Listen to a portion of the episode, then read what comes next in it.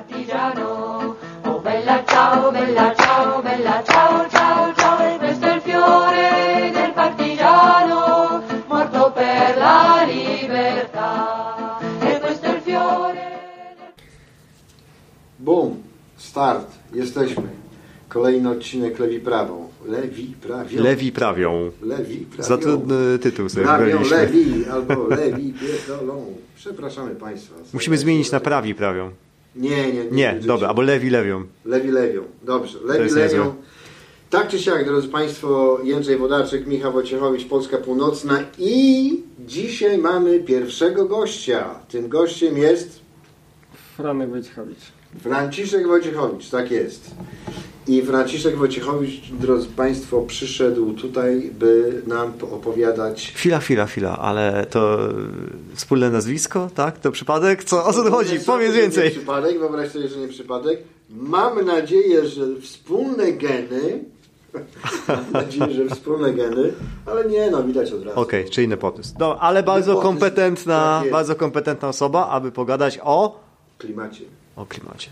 Jedna z podstawowych spraw, która e, męczy nas lewaków, nurtuje nas lewicę, e, e, wkurwia nas młodych i generalnie odróżnia nas trzeźwo myślących od nieprzytomnego, idiotycznego prawactwa. To jest właśnie klimat i to, że lewica rzeczywiście klimatem się przejmuje i lewica wskazuje na zagrożenia klimatu, a prawica to niestety olewa. I Franka zaprosiliśmy, zaprosiliśmy dlatego nie tylko, iż e, kończył filozofię, jest filozofem, ale też jest to jego o, absolutny konik. I e, od, czego, od czego powinniśmy zacząć e, rozmawiając o klimacie? No to jest dobre pytanie, bo wszyscy wiemy o co chodzi, ale mało kto tak naprawdę zna ten temat. Słyszymy coś o tym, że czeka nas apokalipsa, jakieś e, liczby są rzucane, e, temperatura wzrośnie 1-2 stopnie, co to właściwie oznacza? Zaleje nas, spalimy się w słońcu, a może będzie po prostu jakaś katastrofa społeczna. Ja bym się tego dowiedzieć dzisiaj, bo szczerze mówiąc nie wiem, jak się to wszystko, jak się to wszystko odgarnie, to okazuje się, że taka realna hard wiedza jest bardzo niska. Jest dużo propagandy, oczywiście ta propagandy po stronie prawicowej, ale wydaje mi się, że też dużo niedopowiedzeń po stronie tej progresywno-lewicowo-ekologicznej i Franek, y, Właśnie. pytanie brzmi y, jak pytanie- brzmi pytanie, jak brzmi pytanie Michał? Pierwsze Pytanie pytanie. brzmi, Franuś, powiedz nam, czy my umieramy? No, to, jest, to jest dobre pytanie.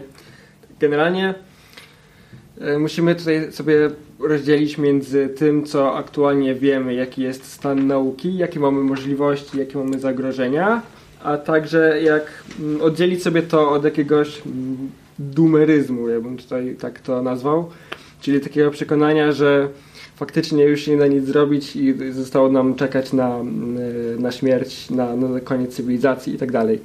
To nie jest do końca tak, to nie jest prawda. Natomiast nie da się wykluczyć, że jeśli będzie naprawdę, naprawdę źle, to również i takie scenariusze są na stole. Ale na chwilę obecną mm, raczej celujemy w to, by e, życie było coraz mniej przyjemne i żebyśmy tracili część rzeczy, które mamy aktualnie, ale z całą pewnością to nie będzie jakaś zagłada. Okej, właśnie, bo to, to, to było moje podstawowe pytanie i właściwie na nie odpowiedziałeś, ale może je doprecyzujemy, bo to, co słyszymy w warstwie propagandowej, oczywiście może jest konieczne, czyli mówienie o tym, że ludzkość się skończy, de facto dojdzie do końca, do końca nie tylko cywilizacji, ale ludzkości jako takiej, że wymrą gatunki, w tym nasz, to odrzucasz na wstępie. To znaczy nie dojdzie do zagłady ludzkości, dojdzie do zagłady naszego stylu życia pod każdym e, względem, tak jak go znamy i tak jak je żyjemy, przeżywamy. W ogóle to jest na tyle ciekawe, że tam mm, ten scenariusz, gdzie naprawdę dochodzimy do takiej wersji planety drugiej Wenus, jest o tyle. Co to znaczy druga wersja drugiej planety Wenus? y, Wenus jest planetą, gdzie jest. gdzie ten, ym, ten sam proces, czyli to globalne ocieplenie, zaszło w, skali maksymalnej Wobec tego tam jest tam są warunki, które się nadają do podtrzymania jakiegokolwiek życia, właśnie z powodu ogromnej ilości gazów cieplarnianych, jakby cała atmosfera Wenus jest e, z dwutlenkiem węgla, z którym my się mierzymy i tak dalej. I ta, ta hardkorowa wersja, to czysto na chwilę obecną teoretyczna, to jest y, pogrążenie się naszej planety faktycznie w tym samym kierunku, do drugiej Wenus. Ale właśnie, nie jest to raczej bardzo mocno, raczej nie jest to prawdopodobne. To jest jedna rzecz. Druga to najczarniejsze scenariusze, które w różnych mm, które w różnych przewidywaniach nazywamy jakby modelem business as usual, czyli my w ogóle nie przejmujemy się globalnymi globalnym ociepleniem, tylko cały czas w równym tempie pompujemy ten dwutlenek węgla, jest o tyle niemożliwy, jest to scenariusz wyłącznie teoretyczny, dlatego, że gdy sprawy pójdą bardzo źle, to i my i tak nasza cywilizacja będzie miała na tyle duże problemy, że skończymy z rozwojem gospodarczym, z pewnym aktualnym stylem życia. Wobec tego ta ilość gazów cieplarnianych, które uwalniamy aktualnie, po prostu nie będzie możliwa do, e, do wytworzenia. Po prostu gospodarka nam się tutaj e, zrobi. Michał, masz pytanie? Bo tak, zamilkłeś, zamilkłeś z przerażenia. Pytanie jest jedno podstawowe. Y, kiedy to się wydarzy?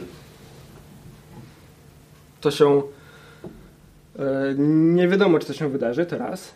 Mówimy o tym najgorszym scenariuszu, tym najgorszym czyli totalna zagłada. Tak. E, to się raczej nie wydarzy. Aktualnie wszystkie modele, które są opracowywane, czy to przez e, Międzynarodowy Panel do Zmian Klimatycznych, czy przez inne instytucje, raczej przyjmują sobie pewien horyzont czasowy i jest to po prostu koniec tego wieku. Koniec e, tego wieku, czyli e, koniec tego wieku, czyli rok 2099, tak? Tak, 2100 to jest. Okej. Okay i że wtedy jak będzie na Ziemi, jeżeli dalej będzie się... Według takich realistycznych modeli, nie tych takich totalnie Właśnie. apokaliptycznych, tylko takich powiedzmy, powiedzmy sobie, realny scenariusz, co będzie wtedy. Powiedzmy sobie, że redukujemy e, mm, wpływ gazów cieplarnianych na klimat według dzisiejszej skali, e, nic się nie zmienia albo no, ten przyrost jest e, adekwatny do tego, jak było w poprzednich dziesięcioleciach tej redukcji i wobec tego, jak będzie wyglądała planeta, gdy niczego radykalnie nie zmieniły, nie zmienimy, jak będzie wyglądała planeta o. w 2099 roku. No i tutaj przechodzimy do mm, mniej lub bardziej zgadywania na temat tego, co będziemy jako, e, jako ludzkość, jako cywilizacja robić w tym kierunku, bo te scenariusze się nie ziściły. Realnie patrząc, jesteśmy na kursie około, około 3 stopni Celsjusza jeśli chodzi o to, na, na ile redukujemy na chwilę obecną, co i tak jest bardzo dużo. Plus dochodzi kilka niewiadomych pod tytułem w którym momencie przekroczymy pewne punkty krytyczne naszej planety, które spowodują dalsze samo napędzanie się tego efektu cieplarnianego. I to jest zagadka. My tego nie wiemy. Okej, okay, czyli wobec tego... Czyli cały proces może przyspieszyć w tak, pewnym momencie. Tak. I to są mm, przede wszystkim takie trzy możliwe e, scenariusze, co może się wydarzyć. Pierwszy z nich, i to już obserwuje, obserwujemy, to jest e, zmniejszanie się ilości pokrywy lodowej na Ark w Arktyce. I teraz razem ze zmniejszaniem się pokrywy lodowej zwiększa nam się ilość ciemnego oceanu, który szybciej jest nagrzewany przez słońce niż e, biały e, lód. Wobec tego ten proces po prostu przyspiesza. Więc w tym momencie mamy jeszcze e, lata, gdzie mamy pokrywę lodową, ale w najbliższych dekadach możemy mieć na przykład pierwsze lato, gdzie ta pokrywa lodowa w Arktyce zniknie całkowicie. I to prawdopodobnie już będzie skokowy wzrost temperatury. To jest jedna rzecz. Druga rzecz, którą też pomału obserwujemy, to są mm, przede wszystkim ziemie na Syberii w tundrze, które powoli się rozmrażają, uwalniając dwutlenek węgla lub metan. I to też jest bardzo ważna rzecz, w zależności od tego, czy miejsca są mokre, tam jest woda, czy nie, mamy do czynienia z uwalnianiem się dwutlenku węgla bądź metanu. I oczywiście metan jest znacznie bardziej mocnym gazem, jeśli chodzi o ten efekt klimatyczny. I tutaj, żeby to też zbadać, musielibyśmy po prostu przemierzać po kolei wszystkie miejsca na Syberii i patrzeć, jak to wygląda. No wiadomo, że to nie jest takie proste, więc tutaj też po prostu zgadujemy, w którym momencie, y, jak bardzo to będzie proces prędki i na ile on będzie się dokładał do całej, e, do całej tej masy, całej reszty. I ostatnia rzecz to jest przede wszystkim Puszcza Amazońska. W pewnym momencie i być może to już będzie niedługo, przestanie ona być pochłaniaczem dwutlenku węgla, a stanie się emitentem dwutlenku węgla, po, po, e, po prostu ona zacznie pustynnieć, bo ona będzie już tak przerzedzona, że nie będzie w stanie sama utrzymywać odpowiedniego deszczowego klimatu, który ją dalej napędza. Puszcza Amazońska, okej, jasne, bo tutaj mamy do czynienia z wycinką, z grabieżą, e, z grabieżą i z wycinką drzew po prostu, ale chodzi, ale te pozostałe e, mm, fragmenty e, przyrody, o których mówiłaś, mówiłeś, tundra, mm, czy to są e, e, Arktyka, e, mm, czy to są rzeczy, które e, e, człowiek ma bezpośredni wpływ na ich, e, na ich funkcjonowanie? Na Puszczę Amazońską tak, ale, ale na Arktykę i na tajgę i tundrę też mamy wpływ? No mamy wpływ taki, że to jak te procesy będą szybko postępować, zależy od ilości dwutlenku węgla, jaki my będziemy dalej emitować. Okej. Co emituje najwięcej dwutlenku węgla w tej chwili na Ziemi? Przede wszystkim produkcja energii, ale mm, do tego dochodzi też y, transport, rolnictwo, budownictwo, ale największą część to jest przede wszystkim y, produkcja energii. Czyli kopalnie. Czyli chodzi, ci o, chodzi tutaj o, o, o e, paliwa kopalniane? Tak, przede wszystkim. Okej, węgiel, tak? Węgiel, ropa, gaz. Węgiel, ropa, gaz. A co z rolnictwem? Bo przez chwilę krążył taki, krążyła taka historia, że oto rolnictwo powoduje. Ja to oczywiście gdzieś czytałem, jestem amatorem w tych tematach, tak jak większość ludzkości, więc jakby no, to, to zdanie może mieć jakieś znaczenie. Otóż czytałem, że 50% nawet to jest rolnictwo. Jeżeli byśmy wszyscy przeszli na wegetarianizm, nagle, co się pewnie nie stanie i nie jest to gospodarczo na tym etapie pewnie również możliwe, ale gdybyśmy to zrobili, to oto rozwiązalibyśmy kryzys klimatyczny. Czy to jest troszkę mit, że, mm, że hodowla powoduje taką tak wielką emisję? Tak i nie. To zależy od tego, w jaki sposób to liczysz. Był taki słynny raport, Długi Cień Mięsa, on się chyba nazywał, z tego co pamiętam. I tam włączono wszystkie emisje związane z produkcją mięsa. I to było przede wszystkim mm, wycinanie lasów pod uprawę soi, e, dodawanie, używanie e, pestycydów i środków, środków ochrony roślin i nawozów do produkcji pasz. To było to, co e, emitują po prostu krowy, czyli cały ten metan, wycinka lasów pod, pod uprawę, transport mięsa itd., itd. I to wszystko mówiono, oszacowano właśnie mniej więcej na nawet takie ilości w tych na najbardziej skrajnych scenariuszach, ale no do tego dochodzą no, no rzeczy, które nie są bezpośrednio związane z tym, czyli no, właśnie wycinka lasów, yy, przede wszystkim, czy yy, tworzenie nawozów, bo wiadomo, do diety roślinnej my też nawozy używamy, nie? Do produkcji roślin. Okej. y, to ciekawe, ale mam, mam takie pytanie również, które mnie nurtuje od dawna. Jakiś czas temu czytałem taki artykuł, rzucę jego angielską nazwę We are not in this together. E, Nie wiem, czy to czytaliście to na jakiejś stronie, bardzo niszowej stronie lewicowej The Buffler.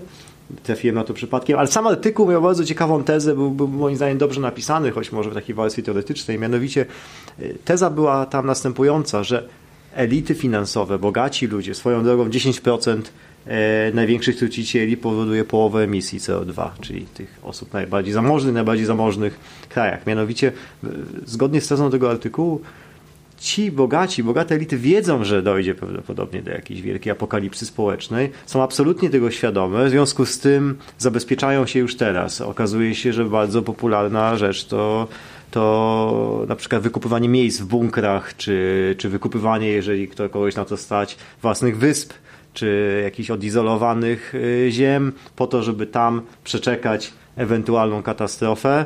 E, no i tą katastrofę również społeczną, kiedy ludzie y, ruszą w ramach jakiejś migracji wielkiej na, do bogatych krajów północy. E, tutaj autor nazywał to takim neokapitalistycznym feudalizmem, czyli systemem, w którym tak naprawdę no, tylko ci najbardziej majętni będą zabezpieczeni przed, przed tymi skutkami tej katastrofy klimatycznej, e, która nastąpi, a z drugiej strony mamy, mamy alt-prawicę, i tutaj również taka padła fajna nazwa w tym artykule, prawicowy realizm, czyli ludzi, którzy absolutnie wiedzą, że zmiany klimatyczne są, że są spowodowane przez człowieka, ale świadomie nie chcą z tym nic robić w imię jakiegoś, nie wiem, nihilizmu, e, hedonizmu, jak zwał, tak zwał, braku myślenia o przyszłych pokoleniach. Swoją drogą dosyć ciekawe, jak na prawicę. Do czego zmierzam? Czy elity tego świata, finansowe, polityczne i inne, absolutnie wiedzą, co nas czeka i absolutnie mają to w nosie, bo one są zabezpieczone. Czy jest jakaś taka świadomość, że i tak nic nie zrobimy, a, a, a może warto to wyciszyć? No może, tak. może warto tego nie ruszać, bo oznaczałoby to masowe opodatkowanie osób bogatych, albo co gorsza, zmiana naszego stylu życia.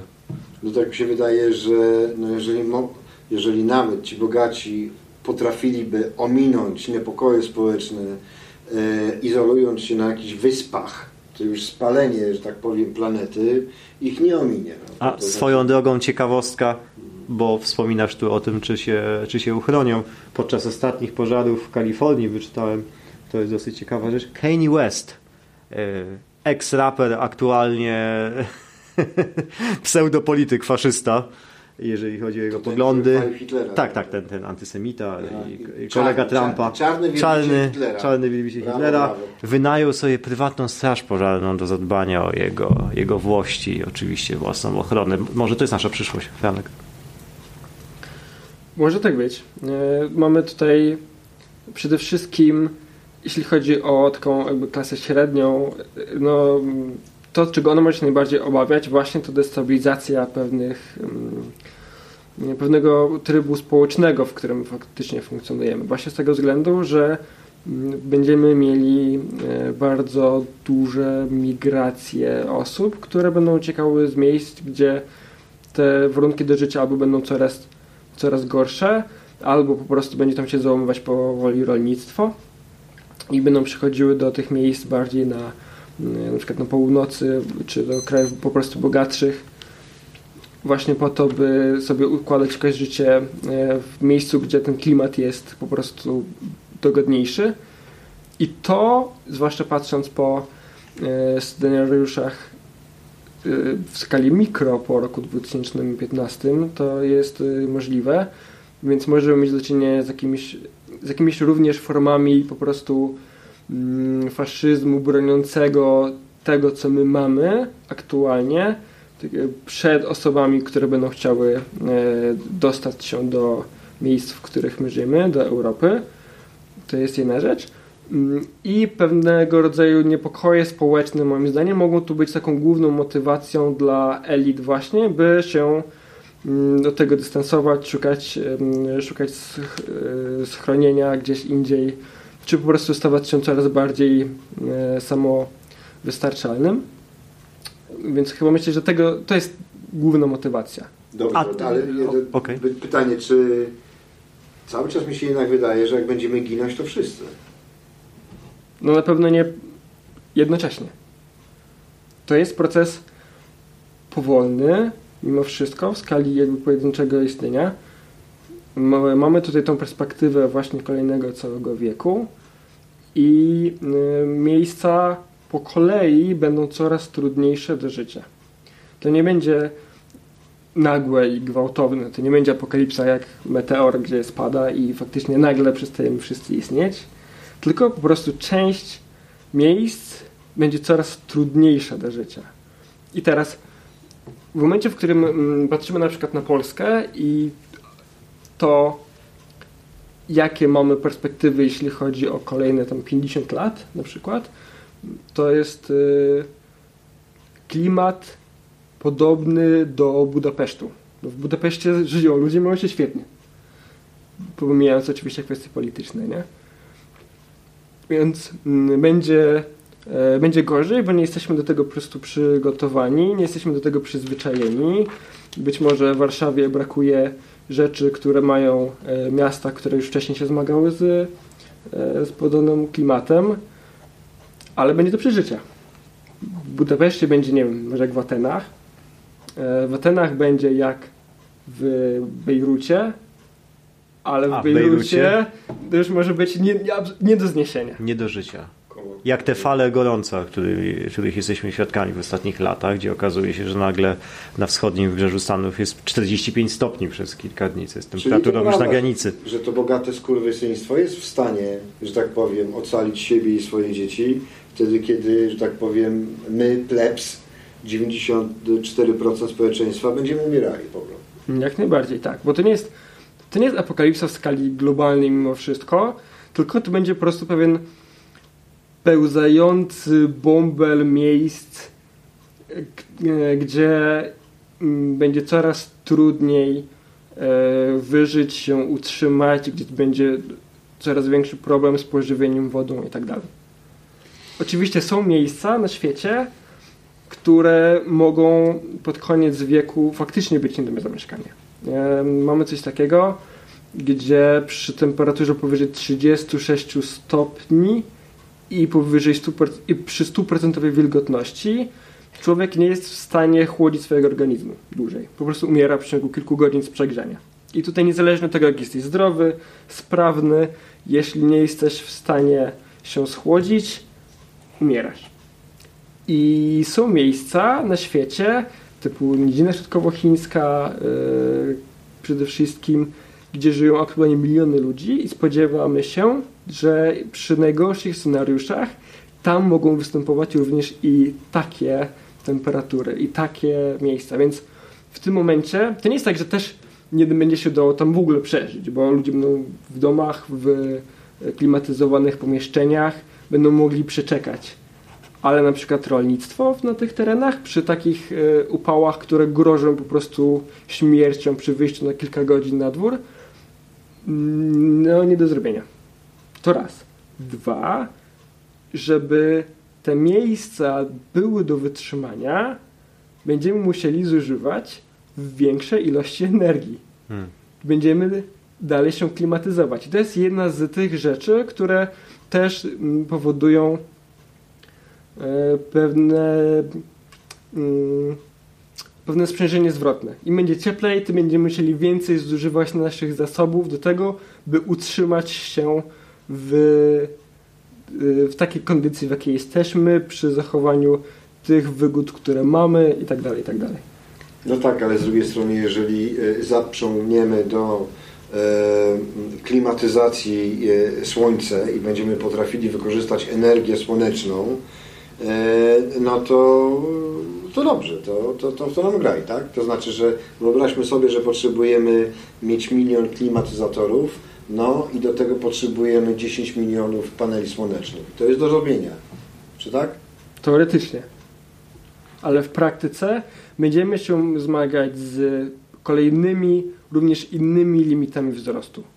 Bo klimat to jest jedna rzecz, ale do tego mamy kilka również innych systemów, które razem łączą się w pewien cały system ziemski, które powodują, że będziemy mieli coraz gorszą, coraz trudniejszą do podtrzymywania ludzkiego życia po prostu biosferę. I jeśli klimat to mamy jedną rzecz, to dalej mamy oczywiście bioróżnorodność, yy, mamy zasolenie oceanów i tak dalej, i tak dalej. I jasne, w teorii jesteśmy w stanie po prostu postawić milion wiatraków, 10 milionów paneli fotowoltaicznych i dzięki temu będziemy mogli zapewnić każdej osobie na świecie klimatyzację.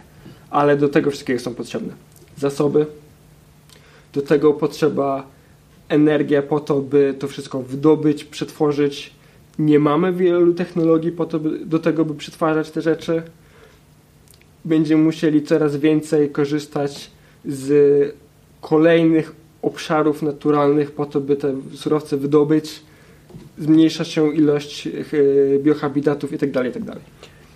Okej, okay. to może na jakąś lekko bardziej optymistyczną nutę, albo i nie. Pewnie nie, bo to nie jest optymistyczny temat.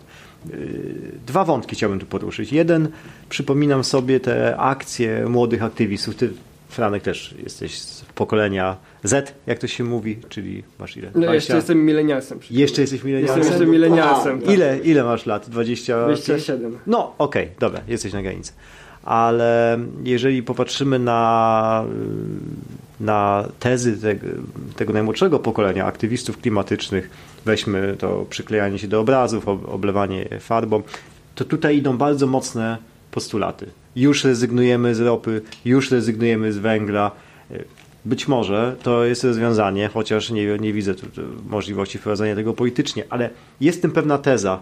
Teza brzmi: musimy ograniczyć wzrost, musimy ograniczyć swoje oczekiwania, musimy zmienić radykalnie nasz e, styl życia, musimy ograniczyć zużycie energii, musimy ograniczyć zużycie dóbr, o konsumpcji i tak dalej. I to się wydaje bardzo logiczne i sensowne. Taki powiedzmy neo, neorealny socjalizm skali globalnej mógłby faktycznie, mówię to bez żadnej ironii, uratować ludzkość. Pytanie brzmi, jak to wprowadzić w życie i czy to jest niezbędne? E, jak można to wprowadzić w życie metodą demokratyczną? To nas znów prowadzi do do, do takiego wątku y, takiego konserwatywnego ekologizmu, czyli, y, czyli mm, aktywizmu odrzucającego demokrację, jeżeli nie da się tego wprowadzić w życie metodą demokratyczną. Może demokracja nie jest już nam potrzebna, co o tym sądzisz, ale drugie pytanie, całkowicie inna wizja rozwiązania y, tych problemów. Mianowicie w, tej, w tym całym przekazie aktywistycznym widzę pewien taki pesymizm czy fatalizm technologiczny. Wielu, wielu wypowiedziach, e, w wielu stanowiskach w ogóle nie bierze się tego pod uwagę. Czyli oczywiście ograniczenie wzrostu, rezygnujemy już teraz z ropy naftowej i tak dalej. Jak to zrobić, nie wiadomo, ale nie ma tam żadnej nadziei w postaci wymyślenia jakichś technologii, które może rozwiążą nam ten problem bez wywalania do góry nogami całego naszego stylu życia i, i bez reorganizacji w postaci milionów, milionów ludzi, którzy będą musieli uciekać z tych terenów, gdzie już nie będzie można żyć, co wpłynie na nasze społeczeństwa radykalnie, nie wiadomo jak. Pytanie, czy jest jakaś droga wyjścia, jakiś as w rękawie w postaci technologii, która nas uratuje? Dwa pytania zadałeś. Tak. Okay. Jaka droga? Y, neo-minimalistyczny y, neo-minimalistyczny socjalizm, jakaś forma ograniczenia wzrostu i jak to zrobić, czy może jednak liczymy na to, że uratuje nas technologia? Jest tutaj sporo do odpakowania w tych dwu, dwu, dwóch pytaniach. Uch, czego zacząć? Um, jeśli chodzi o technologię. Na chwilę obecną um, po prostu moim zdaniem, e, jeśli chodzi o, e, o ten taki technosceptycyzm, to jest po prostu kwestia tego, że my ścigamy się z czasem. Po prostu. Z tego względu, że jak powiedziałem, są te punkty krytyczne, nie wiemy, w którym one, w którym momencie one nastąpią. Więc czas nam ucieka, budżet węglowy nam e, ucieka, i, Co jest budżet węglowy? Czyli ilość dwutlenku węgla, jaką jeszcze możemy wyemitować, do tego zanim przekroczymy kolejny e, stopień globalnego ocieplenia. I ile lat tutaj mamy? To zależy do ilu stopni. Do dwóch stopni, żebyś nie pomylił, 10 lat? Okej. Okay. A 3 y już jest tragedia, a 3 jest katastrofa. I teraz, szacuje się, zaraz zmieniamy trochę temat. Okej, okay, sorry, wrócimy, wróćmy do tematu. E, więc faktycznie jest ten pewien zasób pod tytułem innowacja, który wydaje się być niewyczerpalny. Zawsze możemy coś wymyśleć innego. Ale właśnie tego potrzebujemy a. czas, pieniądze to jakby znajdą się tak czy inaczej. Wolę polityczną. E, czy, czy wolę polityczną, jak, jak najbardziej, ale przede wszystkim poza czasem też potrzebujemy pewien, pewną organizację. Musimy mieć po prostu naukowców, którzy są w stanie współpracować ze sobą na globalnym poziomie.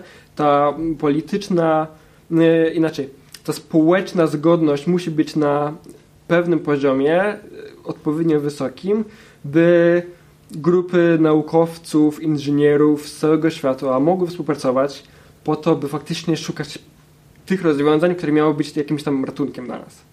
W momencie, w którym my zaczniemy się za chwilę globalnie kłócić, kto jest bardziej odpowiedzialny, kto powinien dawać więcej pieniędzy na to wszystko, i powoli będziemy się y, zamykać w jakichś kolejnych nacjonalizmach, no to ten proces może się wydłużyć, a jak będzie się wydłużać, to może nam nie starczyć czasu. To jest jedna rzecz. Dwa. Zawsze są, tak mówi część osób, zawsze są rozwiązania geoinżynieryjne. Jeśli mówimy o technologiach, to też trzeba o tym powiedzieć. Jasne, o tym mówiłem.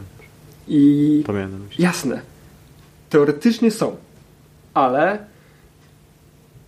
w momencie, w którym musimy podjąć globalnie decyzję o na przykład rozsianiu związków siarki, które mają zdolność do ochładzania atmosfery, albo mikroluster, czy jakichś różnych innego rodzaju e, sposobów, mamy całą gamę nieprzewidzianych skutków tego i jest pytanie, kto będzie to płacił, jeśli cokolwiek się wydarzy.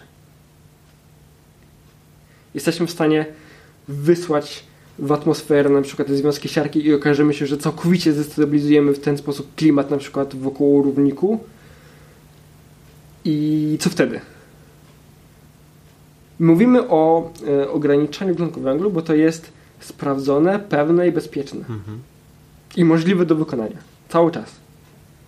Reszta jest niesprawdzona, niepewna, a wola polityczna do podjęcia decyzji o czymś takim w skali globalnej, która byłaby potrzebna, jest jeszcze mniejsza niż żeby płacić e, na, na zmianę po prostu e, produkcji energii na nieemisyjne. A ten drugi scenariusz? Czyli coś na kształt globalnego austerity, neosocjalizm w wersji realnej, ograniczenie wzrostu, światowy. dokładnie. No, Czy to nie jest mniej realistyczne? światowy. Jeden rząd światowy, który, e, e, który przyjdzie i ogłosi, że teraz musimy robić tak i nikt nie może się I tu mówimy o scenariuszu bardzo niedemokratycznym oczywiście. Um, O ile tutaj się nie zgodzę z tego względu, że jesteśmy w stanie przede wszystkim to robić w krajach rozwiniętych, które emitują najwięcej.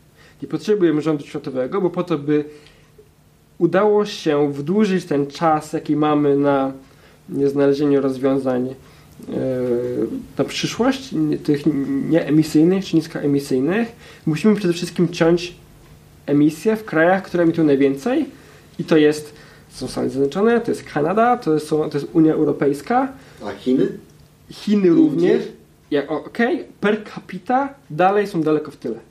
Naprawdę. Napra- dalej są bardzo daleko w tyle, jeśli chodzi o to. Per, per capita, poza małymi, mało ludnymi krajami Zatoki Perskiej, które emitują z powodu produkcji e, ropy na cały świat, no to są przede wszystkim e, Stany Zjednoczone. I teraz pytanie, e, na przykład, dlaczego Stany Zjednoczone tak bardzo emitują? Tam jest gigantyczna ilość produkcji, to jest raz. Tam jest na przykład bardzo zindywidualizowany transport, tak? Wszyscy jeżdżą, ten ga- paliwo jest tanie i to również dodaje się do tego, że tam emisje są tak duże. Czy to powoduje, że u nich jest najlepszy standard życia? No moim zdaniem niekoniecznie. I to jest odpowiedź na to twoje globalne austerity. No nie musimy tak robić, bo ludzie chcą się przemieszczać, na przykład. I teraz można im dać albo kilka ton żelaza, które trzeba rozpędzić do 90 km na godzinę, żeby dojechać po bułki i co zużywa gigantycznej ilości energii, albo można im te bułki przynieść 15 minut od domu, gdzie dojdą na piechotę i ta energia w ogóle nie będzie potrzebna, nie będzie trzeba jej wyprodukować, więc nie będzie nas problemu. Czyli postulatem byłoby w tym wypadku co? Modernizacja. Modernizacja w, mając na uwadze ograniczanie w ogóle ilości potrzebnej energii. 15-minutowe miasta? Na przykład transport publiczny. Elektrownie atomowe, czy to nie? I teraz, yy, to jest inna, inna rzecz. Może Bo szybko jest- wytłumaczymy, co to są 15-minutowe miasta. Kto pamięta? Kto, kto najłatwiej potrafi wytłumaczyć?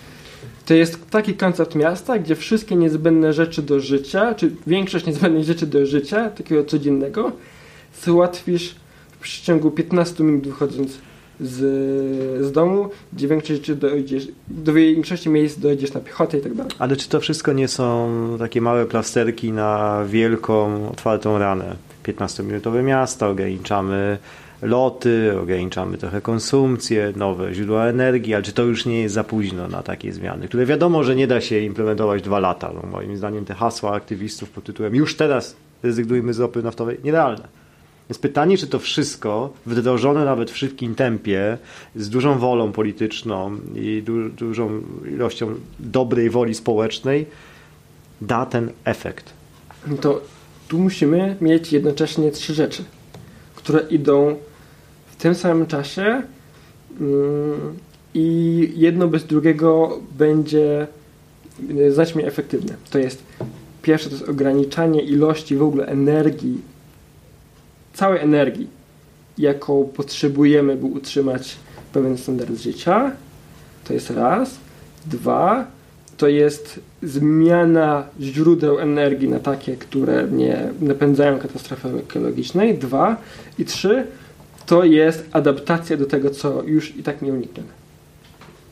Bo teraz, jeśli będziemy budować wiatraki, elektrownie jądrowe, panele fotowoltaiczne i tak ale jednocześnie ta ilość energii, którą my potrzebujemy, dalej będzie równie szybko rosnąć, no to nie dochodzimy nigdzie, tak naprawdę. Jeśli będziemy tylko ograniczyć ilość energii, jaką potrzebujemy, no to też będzie to za mało, ponieważ te emisje już muszą zacząć spadać. To jest dwa. Trzy, już wiemy, że nie osiągniemy tych najbardziej optymistycznych scenariuszy typu 1,5 stopnia ocieplenia. Na to już jest za późno, bo do tego powinniśmy mieć już za sobą szczyt emisji globalnej, a nie mamy.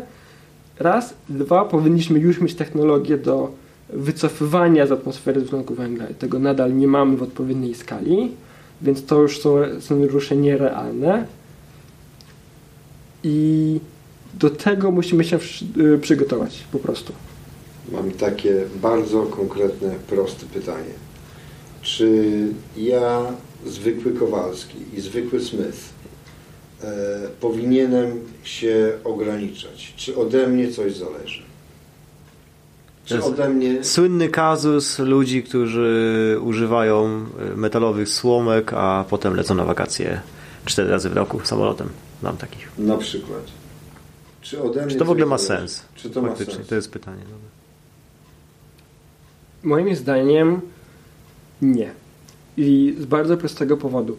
Zadałeś pytanie, czy ty masz się ograniczać.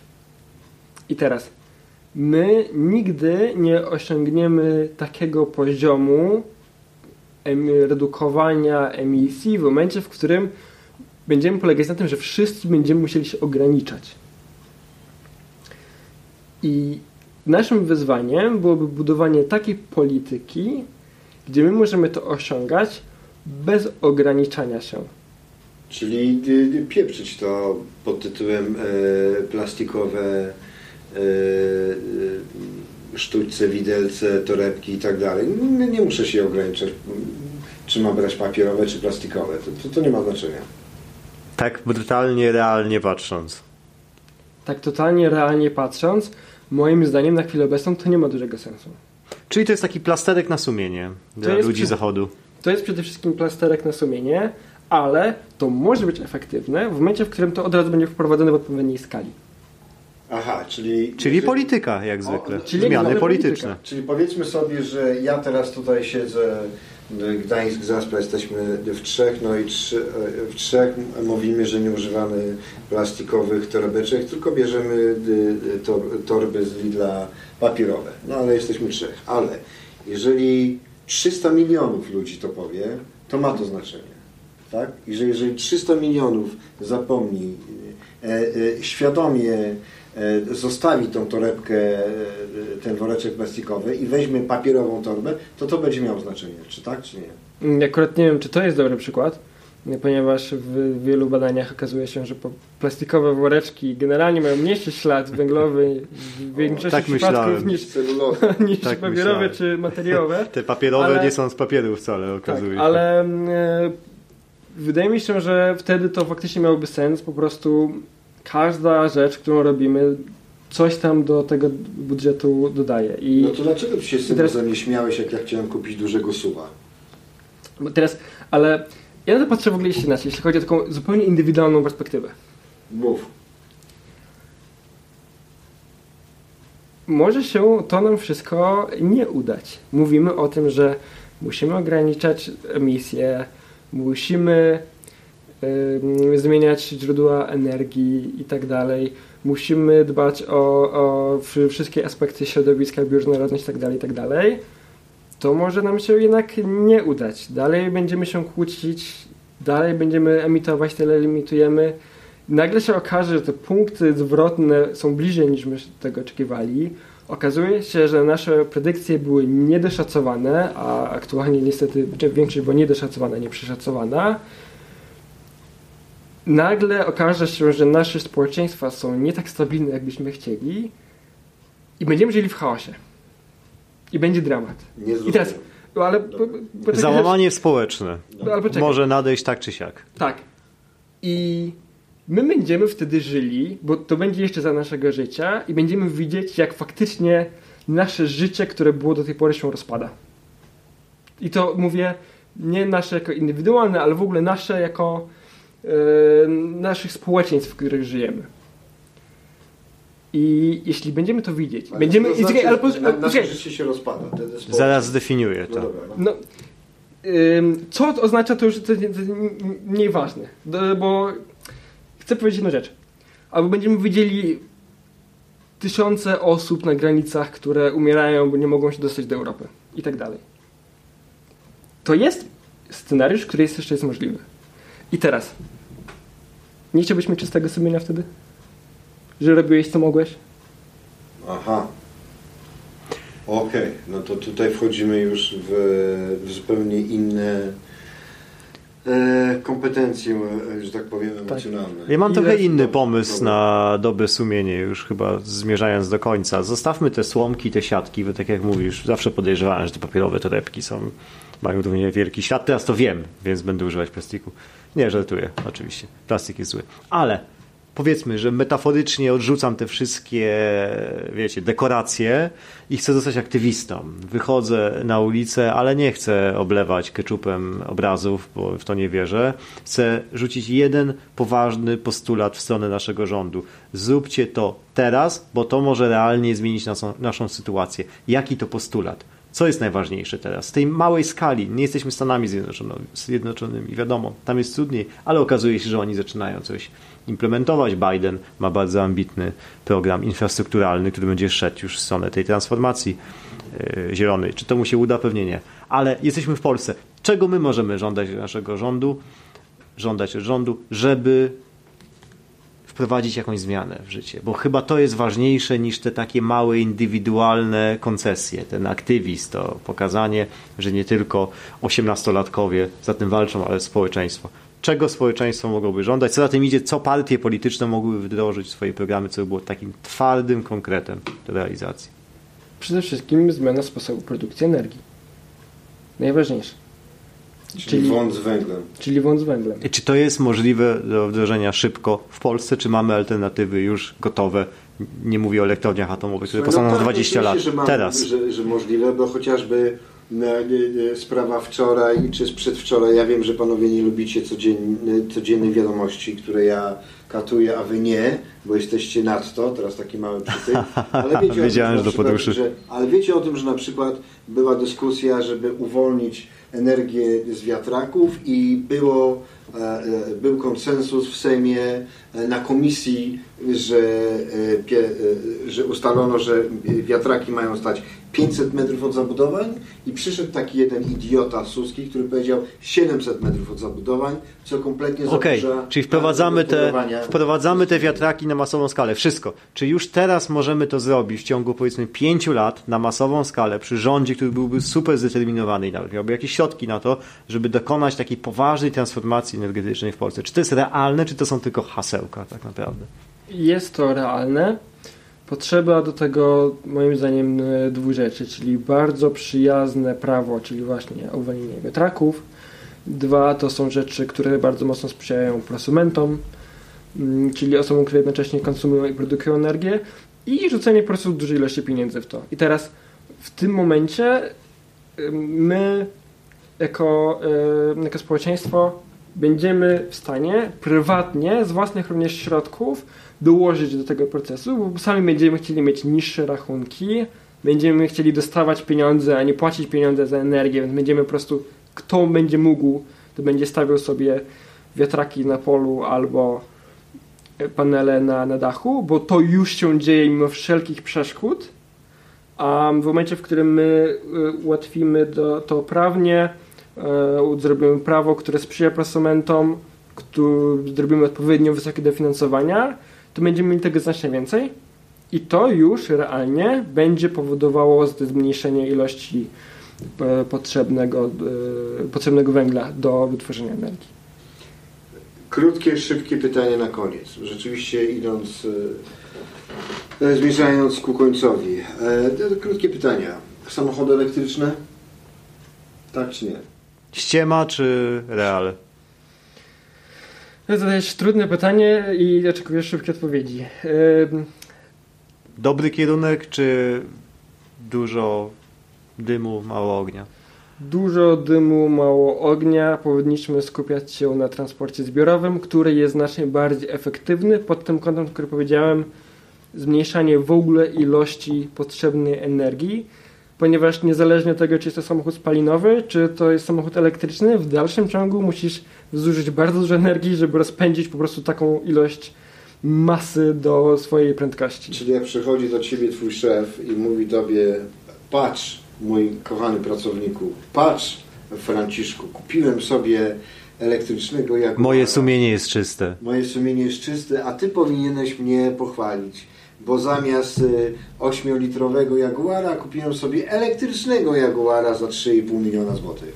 I Franek mówi, tak, szefie, dobrze, tak? To jest tak. Jeśli miał wybór między tym a spalinowym, lepiej, że wybrał faktycznie elektryczny, bo umówmy się, pociągu, którego wozi od pracy do domu, to już sobie nie kupi. Okej. Więc- Okej. Więc Następna sprawa, dobrze, kończymy. Nie, nie, pytanie, pytanie. Na- na- Zadaj pytanie. Dobra, następne pytanie jest y, e, e, podróże samolotem na Hawaje, czy, czy nie? No na Hawaje to musisz, ale podróże, wypad na pizzę do Rzymu. O, wypad na pizzę do Albo Rzymu, tak, szybki wypadzik w Alpy, tudzież O właśnie, tak czy do nie? Turku. No to akurat samoloty mają zdecydowanie największy ślad węglowy, więc wszystkie krótkodystansowe loty, na przykład w skali europejskiej, powinny zniknąć. Tak. Słusznie. Ale Popieram. Brawo. powinniśmy Popieram. znaleźć oczywiście I tego alternatywę. pociągi. Za- Tak. Pociągi są ekologiczne. Znaczy pociągi są na tak, czy po- pociągi są na nie? Na tak, są na oczywiście, tak. że na tak. No to, to okej, okej. No ja Co jeszcze? tylko te dwa pytania. Masz tylko te dwa pytania. Tak. Elektrownie atomowe? Tak czy nie? Ja jestem na tak. Z ostrożnie na tak, bo one nie rozwiązują wszystkich problemów, które mamy aktualnie, ale ostrożnie jestem na tak. Nowe technologie do wysysania CO2 z atmosfery, jakieś takie super sci-fi rzeczy, to jest w ogóle coś, na co liczysz, czy, Po, czy zapominamy o tym? Porozmawiajmy o tym, jak to nie będzie sci-fi. Okej. O, to jeszcze jedno pytanie takie personalne. Sylwia Spurek?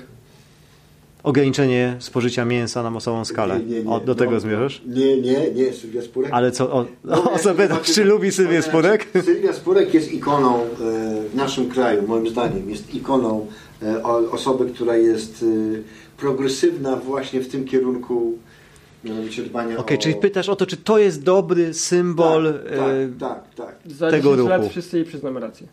O, brawo. Okej. Pewnie Jest. wielu osobom przyznamy Pewnie. rację i pewnie wiele osób będzie się czuło głupio. Zwłaszcza po prawej stronie. Dokładnie tak, dokładnie tak. Drodzy Państwo, no y, oczywiście, że nie wyczerpaliśmy tematu, ale moim zdaniem było zacnie. Bardzo ciekawa rozmowa. Lewi e, Prawili, czyli e, mm, Jędrzej Wodarczyk, Michał Wojciechowicz i gościnnie Franciszek Wojciechowicz, któremu bardzo dziękujemy Dzięki. Dużo się Dzięki dowiedzieliśmy. również.